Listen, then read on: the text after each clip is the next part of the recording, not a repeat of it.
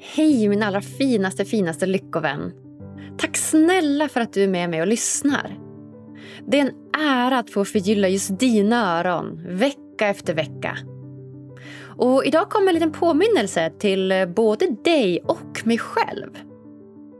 Rör på dig själv fysiskt minst 30 minuter om dagen. Ja, vi har pratat om det så himla mycket i podden nu och jag tror inte att det har undgått någon hur viktigt det faktiskt är med fysisk aktivitet. Fördelarna är så himla många. Bland annat förbättras din koncentrationsförmåga, ditt minne och din inlärningsförmåga. Och dessutom minskar risken för hjärt och kärlsjukdomar, diabetes och cancer.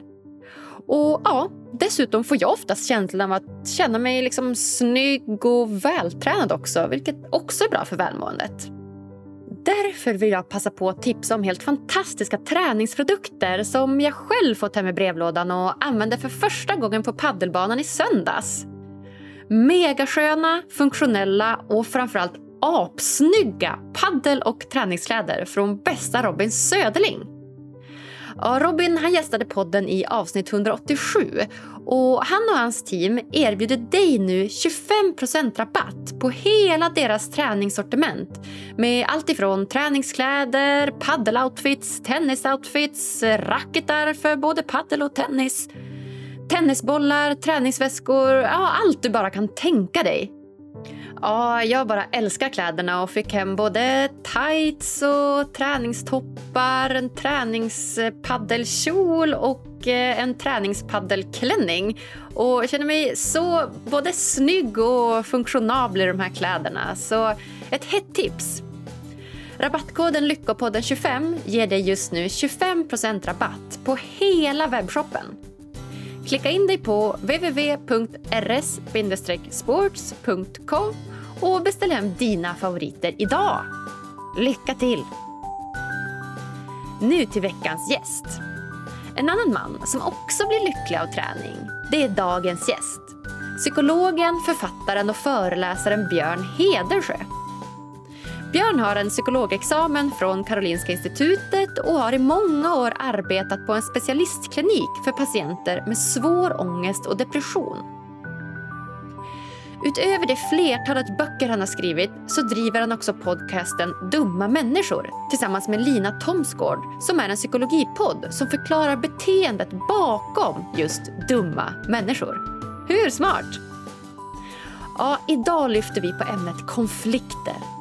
Varför uppstår konflikter? Hur hanterar vi vanliga vardagskonflikter? Hur förhindrar vi att konflikter uppstår? Vad är mjuka och hårda känslor? Ja, det och mycket, mycket mer guidar Björn oss igenom idag. Så jag hoppas verkligen att det här avsnittet ska falla dig i smaken. Jag bara älskar det. Varsågoda.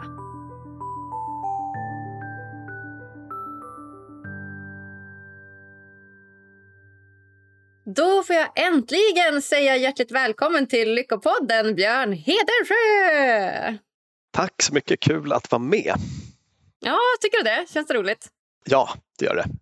Ja, vad härligt. Det det. Ja, ja, Jag tycker det är superkul att du är här och vill prata med mig, Björn. Ja, men det ska bli jättespännande att se vart det här tar vägen. Mm. Ja, men jag håller med. Det är alltid spännande att prata med psykologer. Man vet aldrig hur djupt man kommer grotta in sig på något, på något ämne. Nej, nej, men precis. Vi har ju en tendens att, att göra, göra det, grotta ner oss. Ja, men exakt, exakt. Ha, vad är du mest eh, känd för, Björn? Är det podden Dumma människor eller är du superpsykolog? Eller är det, vad, är det, vad är du mest känd för, tror du? Ja, alltså jag tror att eh, de som känner mig bäst, så att säga, det är väl de som lyssnar regelbundet på, på podden. Så, Dumma människor heter den, det är en populärpsykologisk podd. Vi har kört i tre år nu, otroligt, snart hundra avsnitt. Uh, och i varje avsnitt så tar vi upp någon sån aspekt av att vara människa. Varför gör vi så dumma grejer uh, när vi borde veta bättre? Typ. Och så hittar vi något, något psykologiskt tema. Sådär. Uh, gör det med uh, en som heter Lina Thomsgård. Så det är väl de som, eh, alltså de som har lyssnat sedan start, tror jag, de känner nog att de känner mig ganska väl och det gör de säkert också på ett sätt. Då, då. Vi brukar vara ganska privata i den och så. Eh, så att, så att jag tror om man lyssnar så får man, får man lite koll på oss. Men sen så har jag ju gjort grejer för kanske en ännu större publik då som har varit eh, i somras var jag med i en eh, relationsreality på SVT som heter Vi eller aldrig. Där jag var parterapeut åt par med uh, lite bekymmer. Så, och sen så nu i höst så är jag i ett TV4-program som heter Min historiska pojkvän med Petra Mede. Det är hennes ja. relation, relationscoach när hon träffar olika snubbar genom historien. Nej, att, vad kul! Ja, så där är väl, även om podden är ganska stor så är det väl fler, fler personer som tittar på de här programmen kanske. Mm. Ja, vad roligt. Så du har ändå gått, eh, gått över lite till mediasvängen här med tv och radio och podd och allt möjligt här? Jag, jag har en bakgrund faktiskt i mediebranschen så jag tror att det kanske har lite med det att göra. Jag var journalist innan jag blev psykolog och är ganska liksom van att, att äh, förenkla, alltså, alltså det har varit mitt jobb så länge att, så att ta svårbegripliga saker och göra dem mer, eller förpacka om dem och göra dem mer lättbegripliga. Så jag tycker det är kul, det är roligt att publicera mig, tycker jag. Jag tycker att det är liksom kul att vara med i, i media och sådär. Men sen så har jag också en mottagning då som jag driver två dagar i veckan eh, i Stockholm. Och sen så de övriga tre dagarna så gör jag annat, alltså typ podd och, och eh, tv-saker och, och, föreläsningar och sånt där. Så, så, mm. så ser mitt yrkesliv ut. Mm. Ja, vad kul, härligt. All right, så från journalist till psykolog, berätta varför? Uh, nej men jag var journalist uh, i kanske 10-12 år eller något sånt där. Första fem åren som skrivande och sen så blev jag så här, nyhetschef och sen redaktionschef och, och så. Och mitt sista jobb hade jag på Dagens Nyheter, det var jag så digitalchef ja, egentligen eh, liksom över, över, över sajten och apparna och allt sådär. Och hade kommit väldigt, väldigt långt ifrån det skrivande. Det, det var mer att man eh, fick eh, genomdriva sparpaket, alltså den typen av administrativa uppgifter som ju kan vara kul men som kanske inte riktigt var det som jag brann för. så.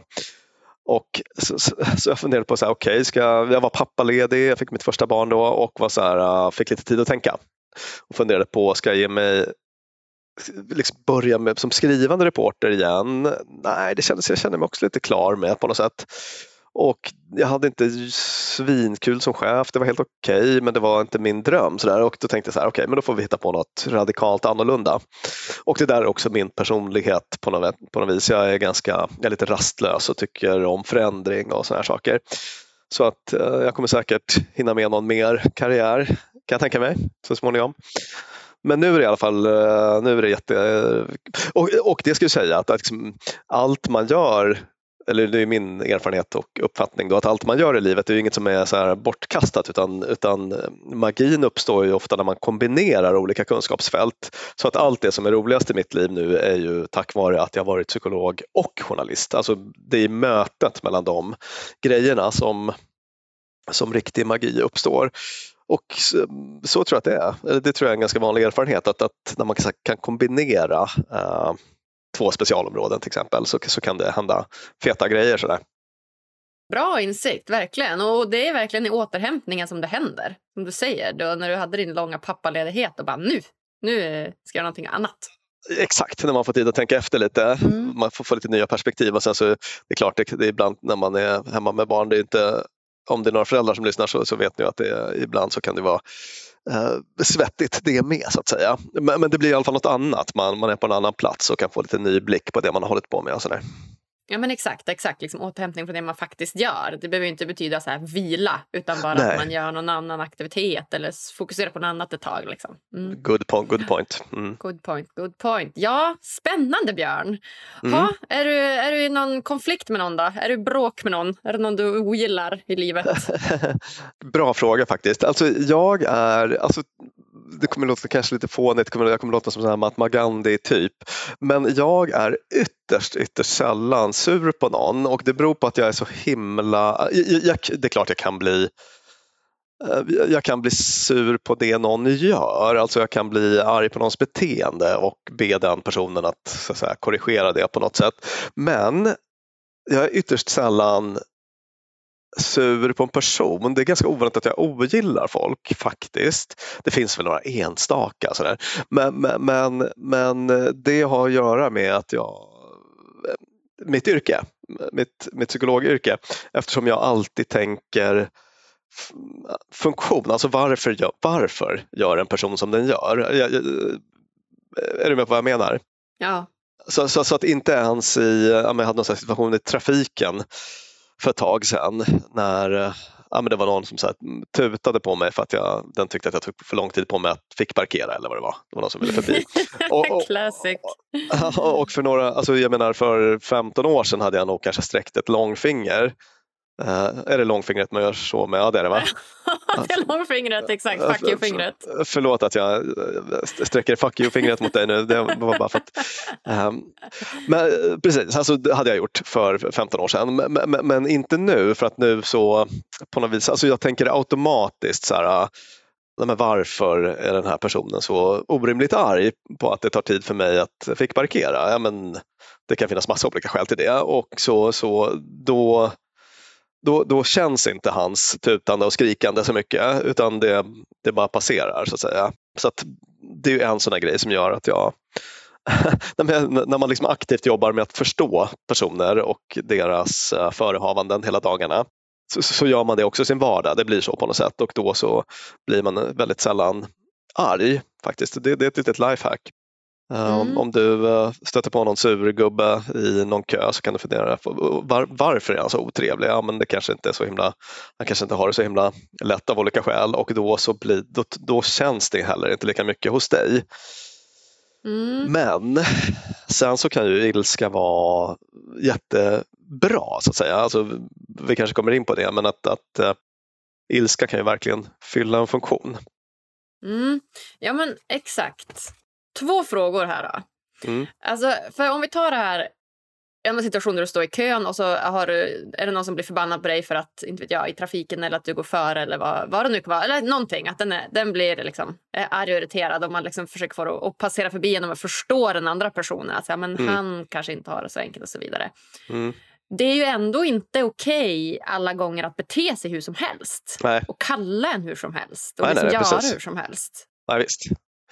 Nej, nej, men när det är så, då, då, då, kan, då, då kan jag, eh, då säger jag ju till. Gör du det?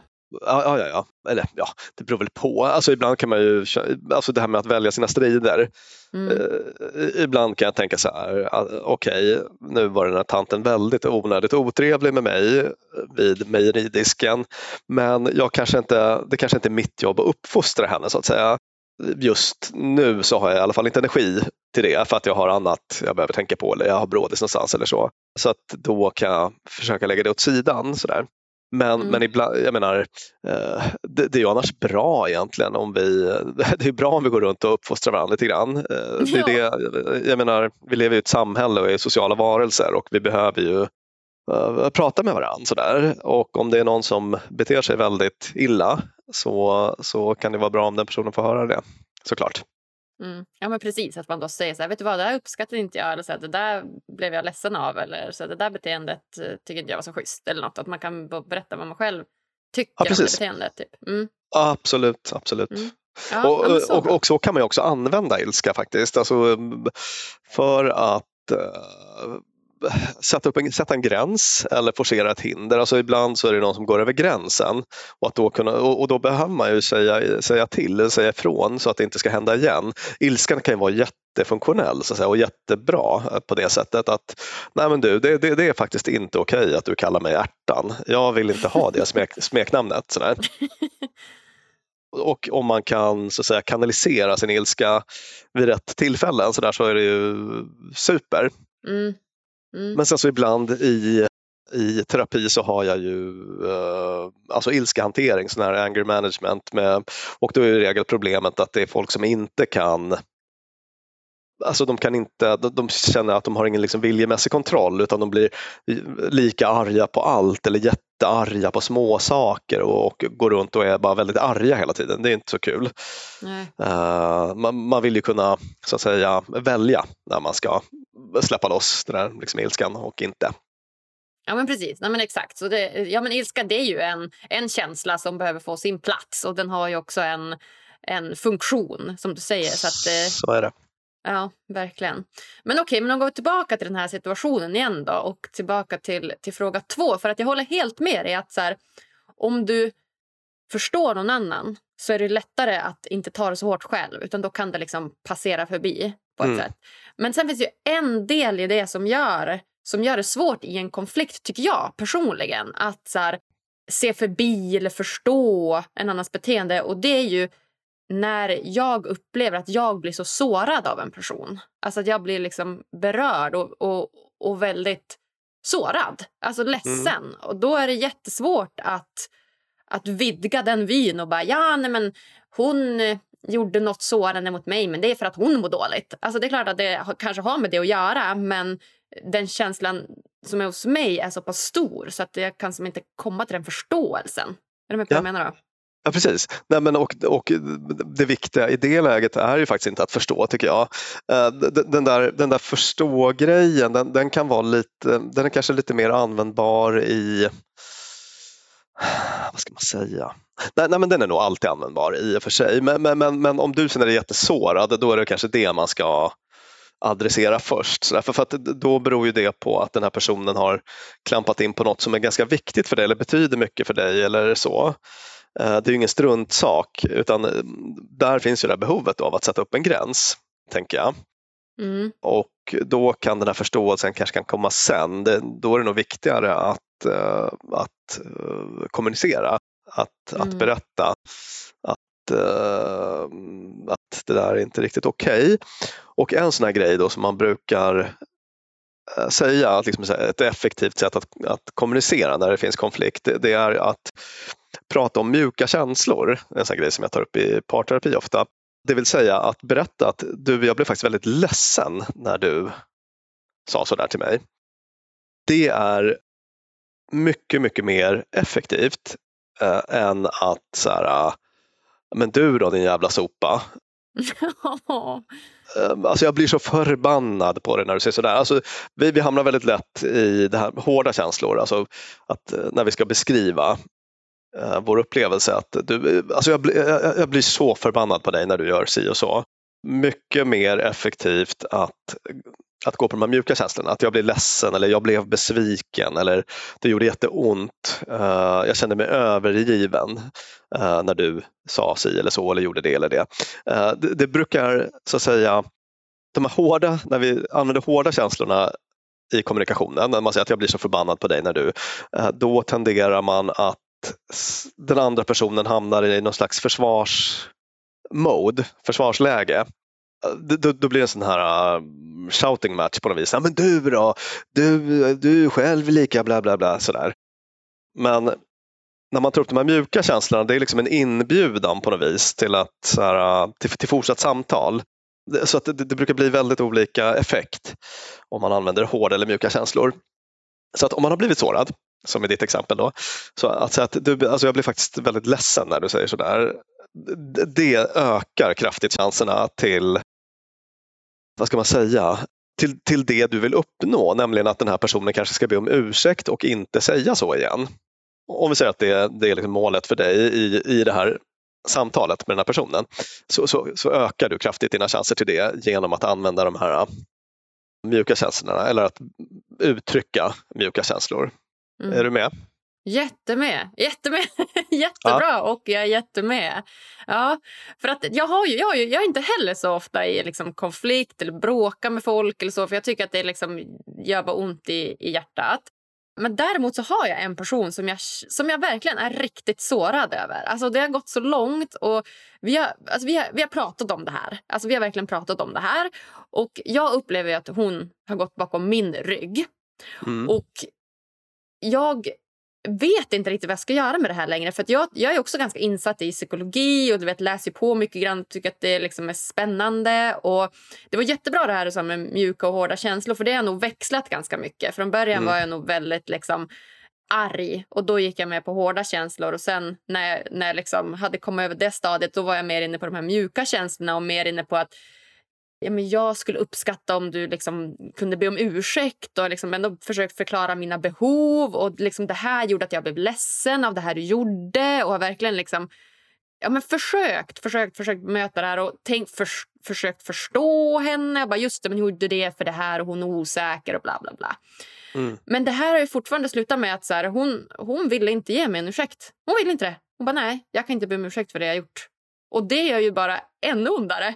Mm. Så att, och det har verkligen lett till ett ännu större gap. Och nu tycker jag att det är pissjobbigt. Alltså, jag är som inte van vid det här och jag vet inte vad jag, vad jag ska göra. Jag har försökt ringa henne gång på gång, liksom svara inte när jag ringer. Alltså, jag, jag vet inte vad jag ska göra. Vet du varför hon inte vill be om ursäkt? Ty tycker hon att hon inte har gjort fel? Jag tror det. Ja, det är nog en del. Hon säger hon jag förstår din sida i det, men eh, nej, ja, jag, jag tycker så här och så här och jag vill inte be om ursäkt. Mm. Mm. Jag fattar, det låter jättejobbigt.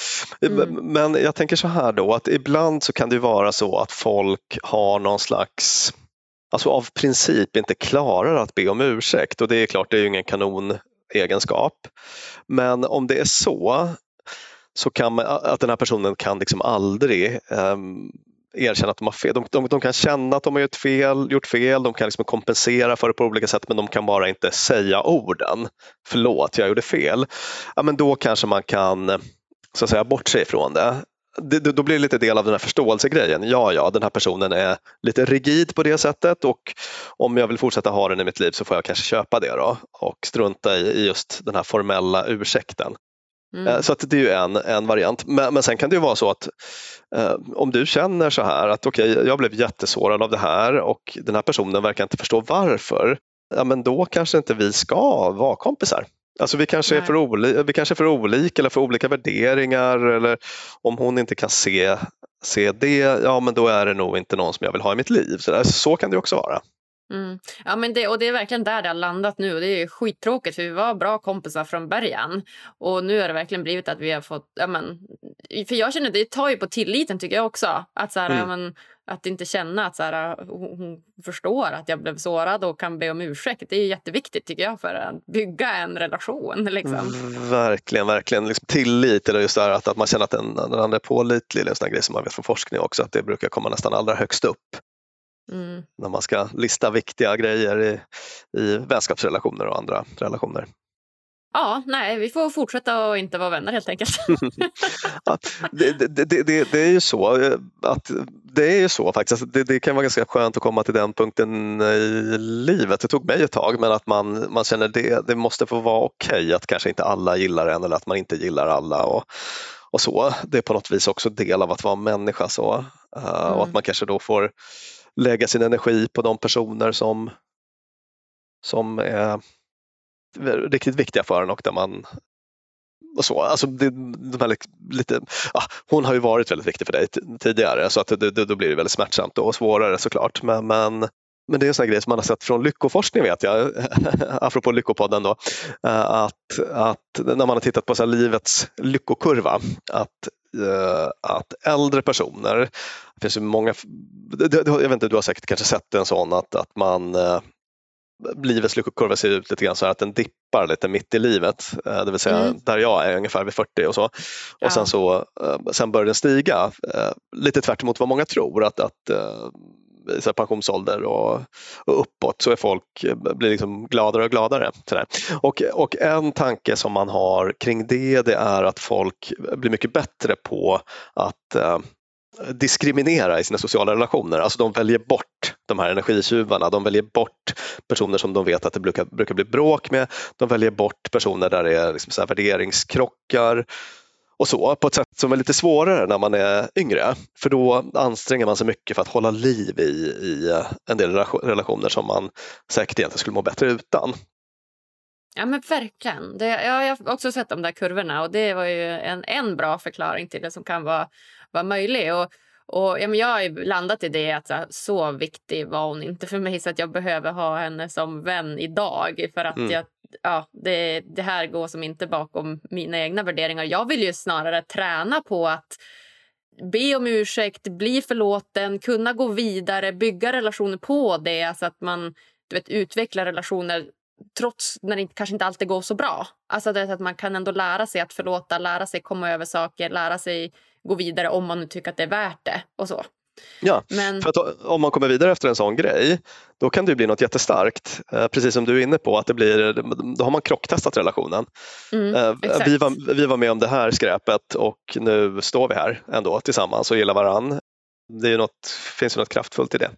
Ja men verkligen. Det som nästan tar mest energi nu från den här konflikten det är ju att Alltså det är ju mest för mig. Alltså att jag behöver komma till någon slags jag vet inte, acceptans eller någonting i att så här, ja, hon kommer finnas här eh, och, och springa runt på stan. Jag kommer träffa henne ibland. Vi har ju gemensamma vänner. Och ändå liksom finna mig i det. Och det är jag så svårt för att så här, acceptera den situationen om du förstår.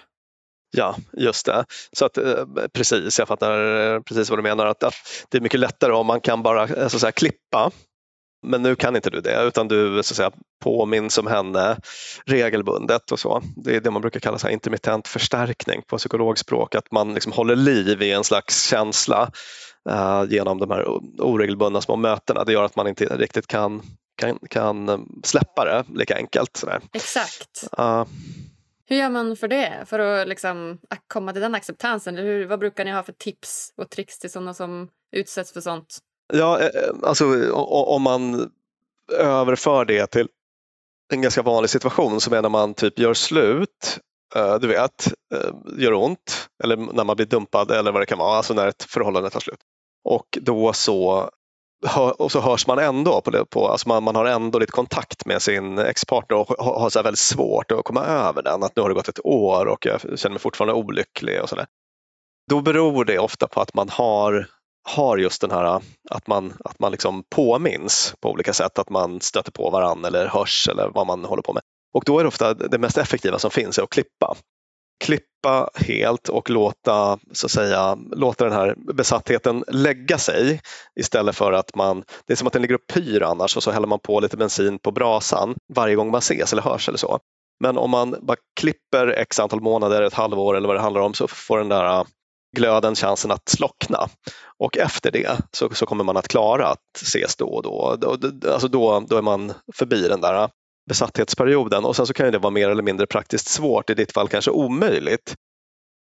Och ja, vad gör man då? Jag vet inte riktigt. Alltså, då får man om det är väldigt laddat kan det vara bra att kanske sätta ord på det. Jag vet inte, det, det, jag tror att det, blir lite från fall till fall då på något sätt. Jag tror jag skulle behöva sätta mig in mer i er situation för att kunna ge ett riktigt bra råd. Sådär. Men ehm, ja, Ja, men till exempel, så, så här, om ni håller på med undvikanden av olika slag, till exempel att, att det är så att du uh, byter rum när hon kommer in i, i, i vardagsrummet så går du in i liksom köket så där, på en Exakt. fest. Ja, verkligen. Uh, och om det är så, då skulle jag jobba med uh, lite så här tvärtom-beteenden. Att faktiskt uh, öva på att stanna kvar i situationen, kanske, kanske gå fram till henne och liksom stå och prata i, med henne och de hon står med. Alltså tills man får bort laddningen från de här mötena då, så, att, så att det blir liksom avdramatisera. Ja, jag bara slänger ur mig något som jag kommer att tänka på. Men det är klart, för att kunna ge dig ett riktigt bra tips skulle jag väl behöva uh, sätta mig ner med dig ordentligt och få hela storyn sådär. Ja, ja exakt, exakt. Ja, nej, men tack snälla Björn, det var ju supermånga bra, bra tips där. Och det, ja, men det, det är ovanligt med såna här konflikter som inte löser. Men uh, ja, nej, som sagt, vi kanske får sätta oss ner sen då, du och jag och bolla lite mer. Ja, men precis. Nej men exakt, alltså jag tänker man får på något vis göra den där lilla utvärderingen. Så här, vad är inom min kontroll? Eh, vad, vad, vad kan jag göra? Och det låter lite grann som att du har provat allt alla alltså tricks i, i, i, alltså jag boken. tycker verkligen sådär. att jag har försökt. Mm. Ja, alltså jag tycker det. Men sen är det säkert saker som jag kan göra bättre och inte bättre. Och till exempel, jag tycker det är skitjobbigt att vara i samma rum som henne och sånt där. Alltså det kan jag säkert träna på att liksom vara kvar där ändå och utmana mig på så sätt. Men mm. Ja, det är mycket utanför ens kontroll som är så svårt att, att påverka. Liksom. Ja, så att man får, man får göra den lilla övningen. Så här, har jag gjort det som finns inom min kontroll och om jag har det så ja, men då får jag försöka att släppa det här nu. Uh, nu ligger bollen hos henne eller så. Mm. Så att det är en sån tanke. En annan grej som man jobbar mycket med i parterapi är förstås då att har jag gjort på samma sätt nu i tre år? Har jag liksom skickat massa mejl och så här, ah, ja, men du måste säga förlåt om vi ska komma vidare och så. Eh, att, att, bara testa lite nya steg. Att göra något annat kan ju vara en så här eh, grej. Att så här, okej, okay, det, här, det här verkar inte ta mig närmare mina mål för den här relationen men då kan vi bara testa något nytt. Jag kan testa att, att eh, bara göra något hon och jag som vi tyckte var kul innan allt gick åt skogen. Vi brukade spela squash ihop då. Så att nu ska vi bara spela squash och sen så ska vi ta en AV och vi ska typ inte prata om det här gamla utan bara försöka vara i nuet och så ser vi vad som händer. Eh, för så kan det vara också. Alltså, det kan ju vara så här att ni har hamnat i någon slags låsning, eh, typisk situation i parterapi, då, att man, man, man sitter och väntar på att den andra ska göra någonting. Så här att eh, vi har ett problem i vår relation, det problemet brukar man i regel förlägga hos den andra. Det är den andra som har gjort fel, om den andra gör lite mer som jag så kommer allt bli frid och fröjd. Och så sitter man i varsin skyttegrav och väntar på att något ska hända. Men ingenting händer för att, för att båda, båda bara sitter där och, och väntar. Så då behöver man testa att ta lite nya steg. Jag brukar använda den här relationen med, eh, eller metaforen med, om relationen som en pardans. Det är som en dans, man har sin koreografi som man har övat upp och den kan vara dysfunktionell, alltså att man bråkar jämt eller så, men man gör alltid på samma sätt. Och så sitter man och väntar på att den andra ska börja dansa på ett nytt sätt. Men, men, vad händer om jag själv börjar ta lite nya danssteg? Jo, då kommer den där andra personen också vara tvungen att försöka hänga med lite grann. Den kommer också vara tvungen att testa lite nya steg. Så att om du nu har, du känner att du har så försökt allt, jag har liksom lagt upp bollen för henne eh, på massa olika sätt. Så Men, men, att man skulle kunna testa något radikalt annorlunda. Så här, ska, mm. vi, ska du och jag dra på spa en dag? Alltså göra något som ni gjorde innan. Och så, för att det som kan hända då det är att den kompromissvilja som har saknats kan liksom plötsligt uppstå. Så här, ja men fan vad mysigt, här sitter jag med Agnes på spa och hon är faktiskt helt underbar, det har jag nästan glömt bort. Så här. Ja, men nu känner jag mig lite mer bjussig, nu skulle hon kunna få den där ursäkten. Alltså typ det kan hända. Mm. Så att det är också bara ett litet medskick då, att man kan testa att ta nya steg själv så därför, istället för att vara helt fixerad vid, vid den andres steg. Så att säga. Mm. Ja men verkligen, gud vad spännande. Shit, jag tror jag skulle bli skitförvånad men jag bara du, ska vi gå på spa? du bara, eh, vem är du? är inte du arg för det jag har gjort mot dig och jag väljer att inte förlåta dig? så det hade bara varit. Ja, men just kanske. Det, just det. Mm, ja. Mm. ja, men exakt. Om man gör något så radikalt annorlunda så kan det ibland skaka om lite grann. Också om man har väldigt låsta positioner så kan det vara en bra grej att göra. Mm, jättebra, jättebra. Jag tror inte att jag... Sen så, du, du har ingen lust med det såklart. Alltså det, det är det som är problemet. Att man, ja, du, ingen lust alls. Du, du, har ju ingen lust att vara bjussig med henne. Men, men, men då är frågan, är det här en viktig relation för dig? Uh, skulle det vara mycket värt för dig att reparera den? Om inte så kan du ju strunta i det. Men, men, men, till exempel i en parrelation då när man verkligen eh, kämpar för att rädda äktenskapet eller så. Där kan du säga, jag har noll lust att fråga den där jäveln om han vill hänga med på spa. Som vi gjorde innan vi blev osams. Men jag tänker göra det ändå. Jag tänker mm. gå emot impuls. Så att, uh, det är jättemycket då alltså, i parterapi att man får öva på att gå mot impuls. Gå emot invanda mönster, gå emot sina snålimpulser och så, alltså göra annorlunda. Även om man inte vill just där och då, så gör annorlunda. Ja men så bra. Nej, för de, och, och det där var nog intressant det du sa. för att jag Helt ärligt så bryr jag mig inte så mycket om henne längre. Alltså för jag vet också hur hon har liksom betett sig mot andra och jag vet att hon är i konflikt med många människor. Så att jag tänker också att jag, jag, jag var lite naiv där. Men ja, och så hon är inte så viktig i sig faktiskt. Men däremot är ju min känsla av att, av att kunna vara i ett rum eller på en fest där hon är, den är ju viktig för mig. Alltså att jag ja. ska kunna att jag ska kunna släppa det. För jag, och jag, kan inte, jag kan inte lägga henne som en ekvation i det pusslet. så att säga. Jag kan inte Nej. förvänta mig någonting av henne längre. För att det kommer inte, hon kommer inte att kunna ge det. Och Det är skittråkigt, men det har jag verkligen kommit till acceptans med. Men men däremot att vara liksom i närheten av henne eller stöta på henne överallt, det tycker jag är skitjobbigt. Ja. Tipset där tror jag då blir för dig faktiskt att öva på att gå emot, impuls, gå emot flyktimpulsen helt enkelt. Mm. Att, ja. att, att, att, att, gå in och vara som lajva, att du skulle gå in i rummet som om hon inte var där. Ja.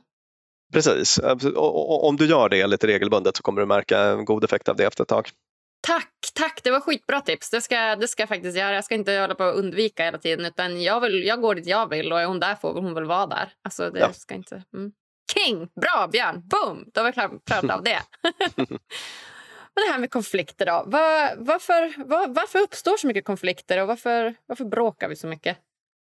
Ah, det är del av att vara människa helt enkelt. Alltså det kommer ju eh, det går liksom aldrig att undvika, aldrig någonstans egentligen. Ehm, man kommer alltid ha intressekonflikter, man vill olika saker. Uh, så att, eh, jag tror alltså att förvänta sig ett konfliktfritt liv eller en konfliktfri, konfliktfri relation tror jag är farligt så att säga, för att, för att då kommer man bara bli besviken. Utan det är något man ska räkna med. Där det finns mer än en människa kommer konflikter att uppstå. Och eh, då behöver man bara ha eh, vettiga sätt att hantera det. Eh, men det, det, det, är svårt att leva konfliktfritt. Jag är nu, alltså jag har levt i många långa relationer och har inte gjort det de senaste tre åren och det är bara väldigt intressant för mig då att du, du är ganska nära ett konfliktfritt liv. jag, har mm. väldigt få, jag har väldigt få konflikter i mitt liv. Ja, och, och det är klart, det är väldigt vilsamt och skönt på massa olika sätt kan jag tycka. Ja, men exakt så där kände jag också. När jag var eh, singel, liksom, då, då var det som att jag inte hade några... Alltså, jag vet inte. Så mycket lägre förväntningar. Så jag, liksom, jag vet inte. behövde inte alls lika mycket konflikter i mitt liv. Och sen då, ja, men när jag blev tillsammans med min pojkvän, då var det som att all, många andra relationer kom så himla nära som jag inte var beredd på. Och då har det uppstått liksom konflikter med andra. Och det är, alltså jag är inte van det. Det är skitjobbigt. Det är skitsvårt. Ja. Ja, visst. Nej, men precis. Det, det är en paketdeal när man ja. blir tillsammans med någon. Mm. Det är verkligen så här, ta den här personen men ta också allt det här och de här och det här. och du, vet, du får all kärlek men också allt det här och det här. Alltså det är verkligen ett paketpris av rang. ja, nej, men så är det. Ja, spännande. Ja, mm. ja nej, men som du säger, det är klart, vi kanske inte kan kan liksom bli av med, med konflikter helt men samtidigt, vi är ju flockdjur. Vi vill ju leva tillsammans på savannen eller i hus eller liksom nära varandra. Så vad, ja. vad behöver vi liksom träna på för att kanske undvika mm. så mycket konflikter som möjligt? Ja, det finns, det finns ju såna vanliga fällor då, så, som, som man brukar gå i. Och ett, liksom, en konfliktstil som brukar vara ganska vanlig och som är ganska problematisk det, det är den som är undvikande eller den som är passiv aggressiv. Ja. Det, vill säga, det vill säga att man står och liksom slamrar med disk istället för att prata. Eller smäller i dörrar istället för att uttrycka vad man är missnöjd med. Och Det är ganska vanligt att vi förutsätter att våra partners är tankeläsare. Mm. Det finns till och med en så här, mm, term för det psykologiska fenomenet, det kallas genomskinlighetsillusionen. Alltså vi, vi förutsätter att folk nära oss har mycket bättre koll på oss än de faktiskt har. Alltså vi tycker att du borde veta vad jag tycker, tänker, känner. Verkligen. Men, men, men, men det, ja, det är klassiker. Och det är klart, vissa är ju bättre på det än andra, att så att säga se hur ens partner mår och så där utan att ord behövs. Men, men, men, för vissa är det ju jättesvårt och, man, och de behöver verkligen det här verbala. Så, så, så, så att du, en sån här jätteviktig grej är att faktiskt äh, prata. prata. Prata med varann. Så.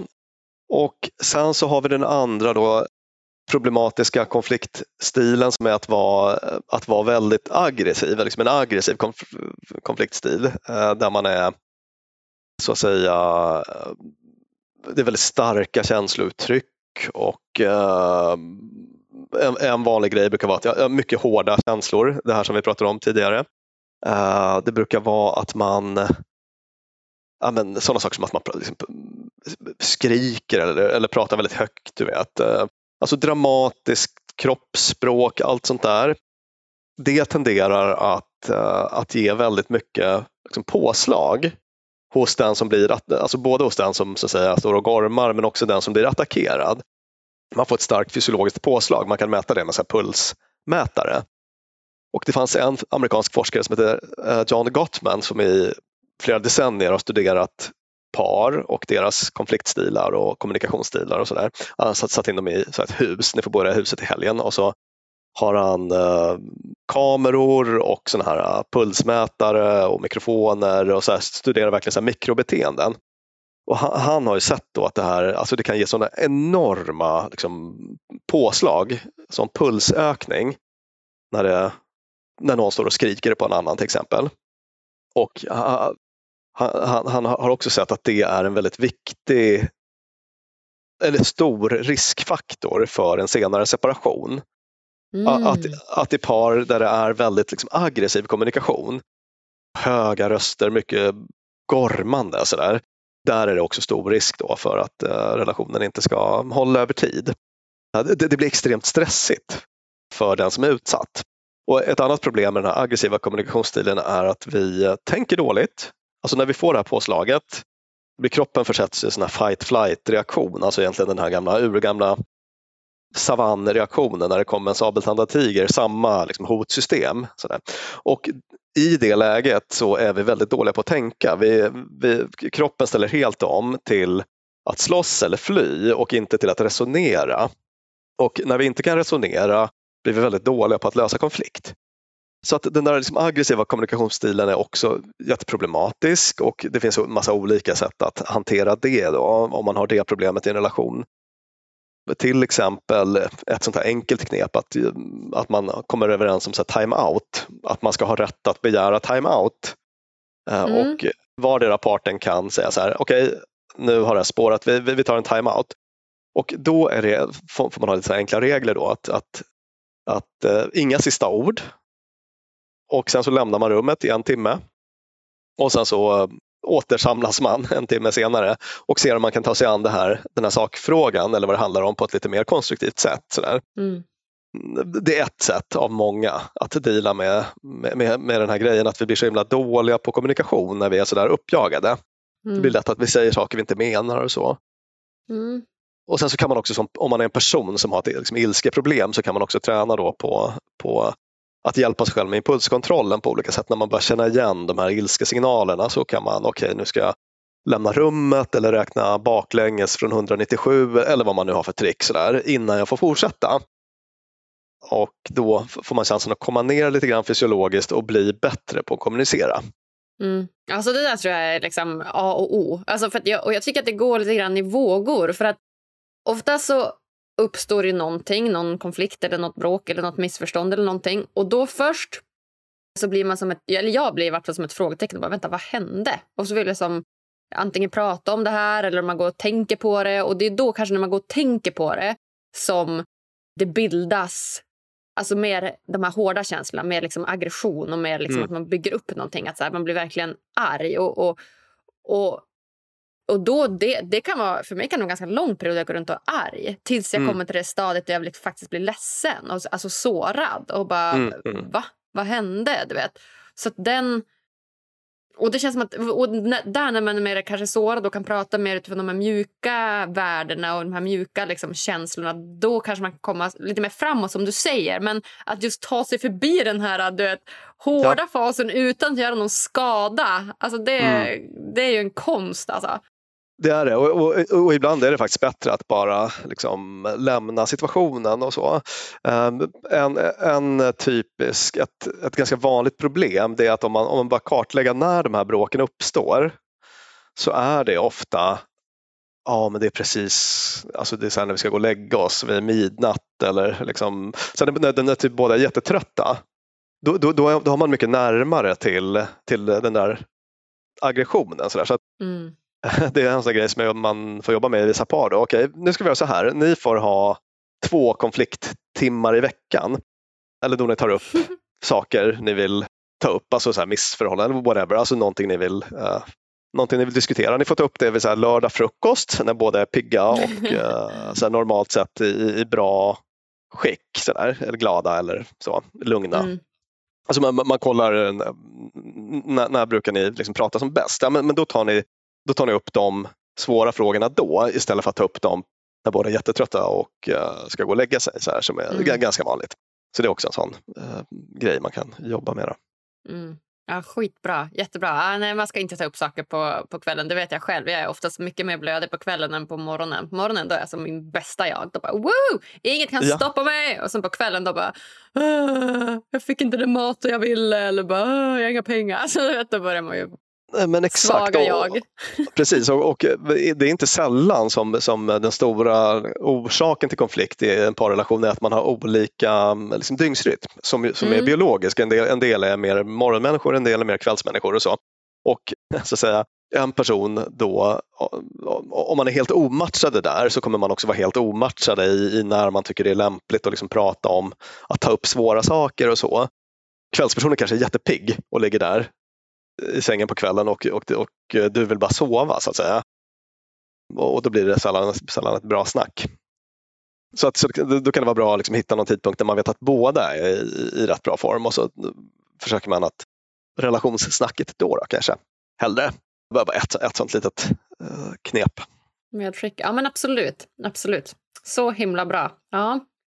Och jag tänkte jag ska bara avsluta den här, eh, vi pratade om två dysfunktionella konfliktstilar, den här eh, aggressiva eller den eh, passiva aggressiva undvikande stilen. Men den stil man vill åt det är den som är lugn och direkt. En lugn och direkt konfliktstil.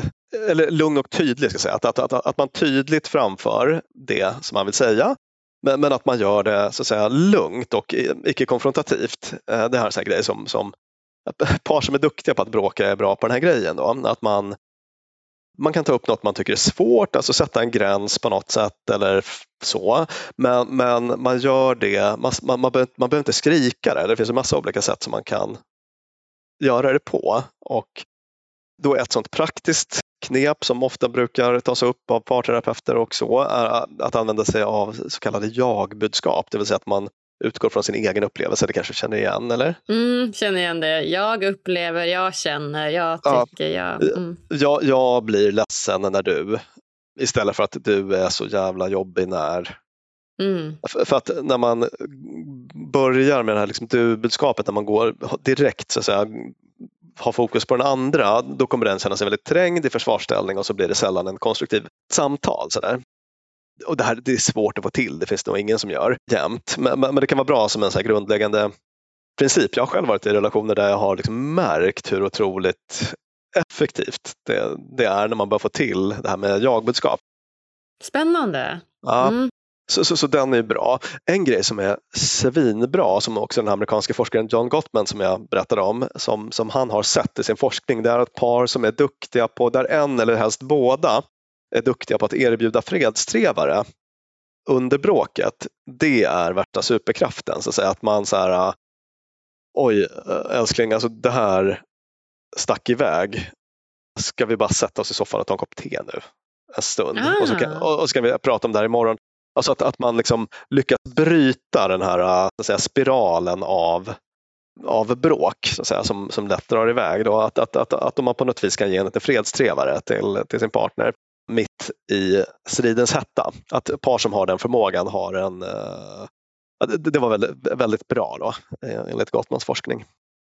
Spännande, det kan jag tänka mig. Att man liksom, ja, men igen bara bryter mönstret. Att när man är inne i någon spiral och har konflikt och bråkar med någon, att man bara säger, men vänta, stopp. Vi tar en kopp te och andas mm. lite.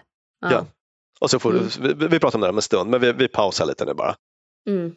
För då får man chansen att komma ner från det väldigt höga fysiologiska påslaget och blir mycket bättre på att snacka med varandra helt enkelt. Verkligen! Bra, Björn. Tack! Vilka fantastiska tips det här var. Det var ju superlärorikt. Jag hoppas lyssnarna också ska tycka det. Hoppas jag med. Ja, eller hur? Får väl se. Hoppas de lämnar en liten kommentar eller något. Får vi se vad de, vad de tycker. Mm. Jaha, Björn. Vad, vad gör dig lycklig då? Åh, oh, vad som gör mig lycklig? Hmm. Ja, men jag är väl lite platt person i så mått att jag blir faktiskt väldigt lycklig av att träna. Mm. det, det, funkar, det funkar väldigt bra på mig.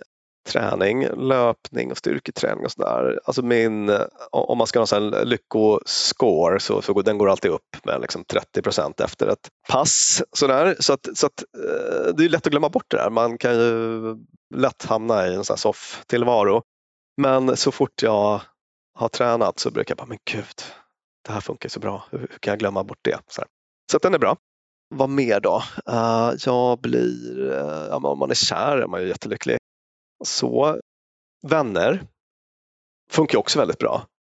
Det är så himla lätt att man i sin så här jobbtillvaro på något vis att man bara, jag vet inte, hamnar i lite ekorrhjul uh, och bara, men jag orkar inte. Jag hade en sån kväll förra veckan med mina kompisar.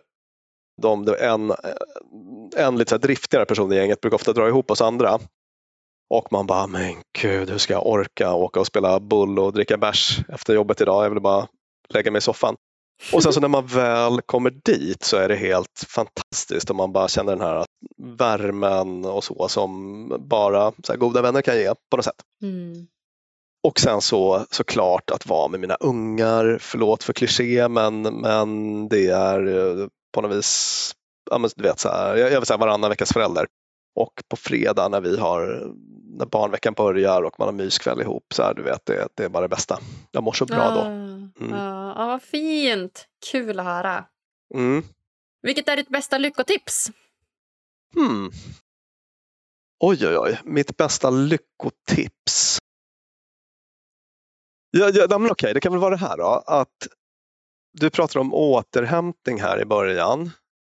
Just den här grejen som jag brukar ta upp med, med stresspatienter då ofta. Att, att det, ironiskt nog så kan det vara så att, att du, du behöver göra mer i ditt liv men mer av rätt saker. Alltså, så här, vad gjorde dig okej, okay, nu jobbar du så här 60 timmar i veckan och uh, har tre ungar och är villaägare och allt är bara super, du är bara superbelastad. Men, men innan du hade det livet, vad gjorde dig lycklig då? Jaha, okej, okay, det var en, så här, en skogspromenad med Kalle.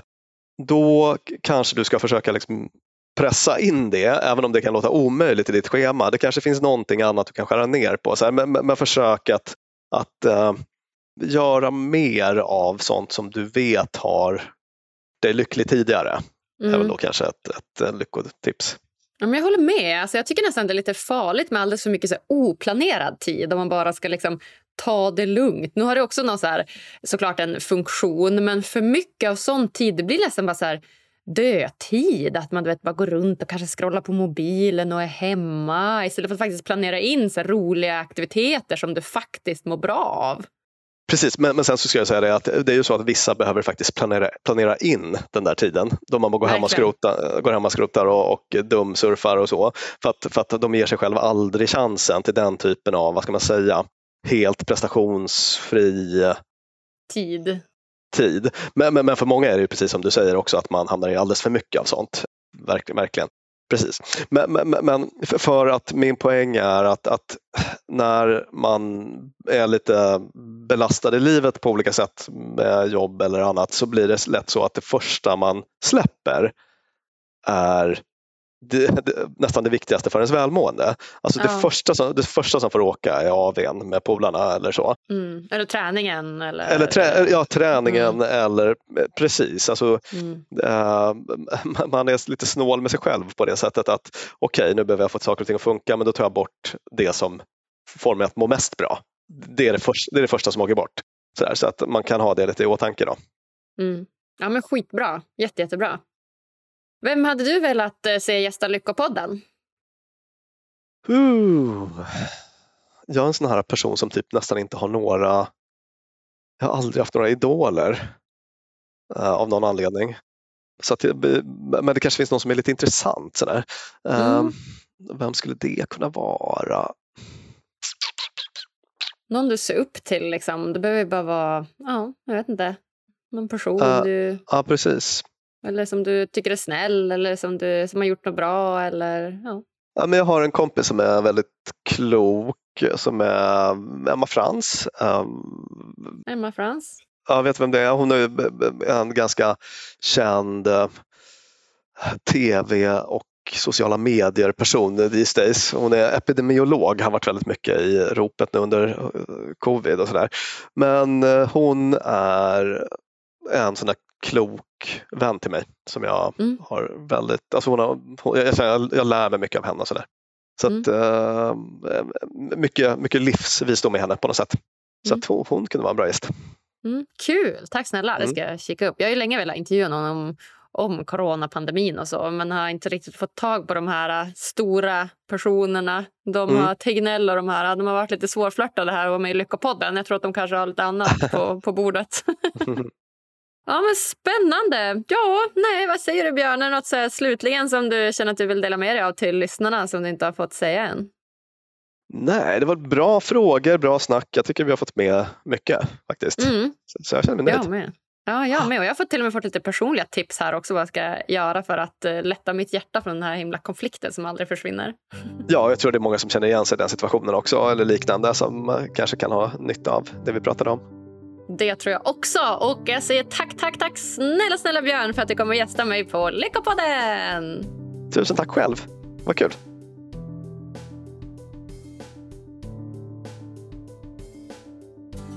Men wow, vilken nyttig coaching session det här blev för mig. Usch, jag avskyr konflikter och vill verkligen göra allt jag kan för att förhindra dem. Och vilka bra tips jag fick att eh, faktiskt stå kvar i rum med personer som man kanske inte har den bästa uppfattningen av. Bara för att inte hindra mig själv att vara i de situationerna. Ja, oh, gud, jag, jag vill verkligen göra allt för att undvika konflikter, lära mig av dem och utvecklas. Utan såklart att trampa mig själv på tårna. Känner du igen dig? Ja, oh, du får jättegärna skriva till mig på Instagram så kanske vi kan stötta varann i våra konflikter. Och hörni, tycker ni också det här avsnittet var bra? Ja, då hade jag blivit så himla mega glad om du också ville gå in på iTunes eller Podcaster och ge oss så många stjärnor som du tycker det här avsnittet förtjänar. Lämna jättegärna en liten kommentar om ni vill det. Och om ni inte får nog med lyckotips och inspiration så tycker jag att ni ska gå in på Lyckopoddens Instagram och hålla utkik efter ännu mer matnyttig info. Vi hörs på tisdag igen. Puss och kram!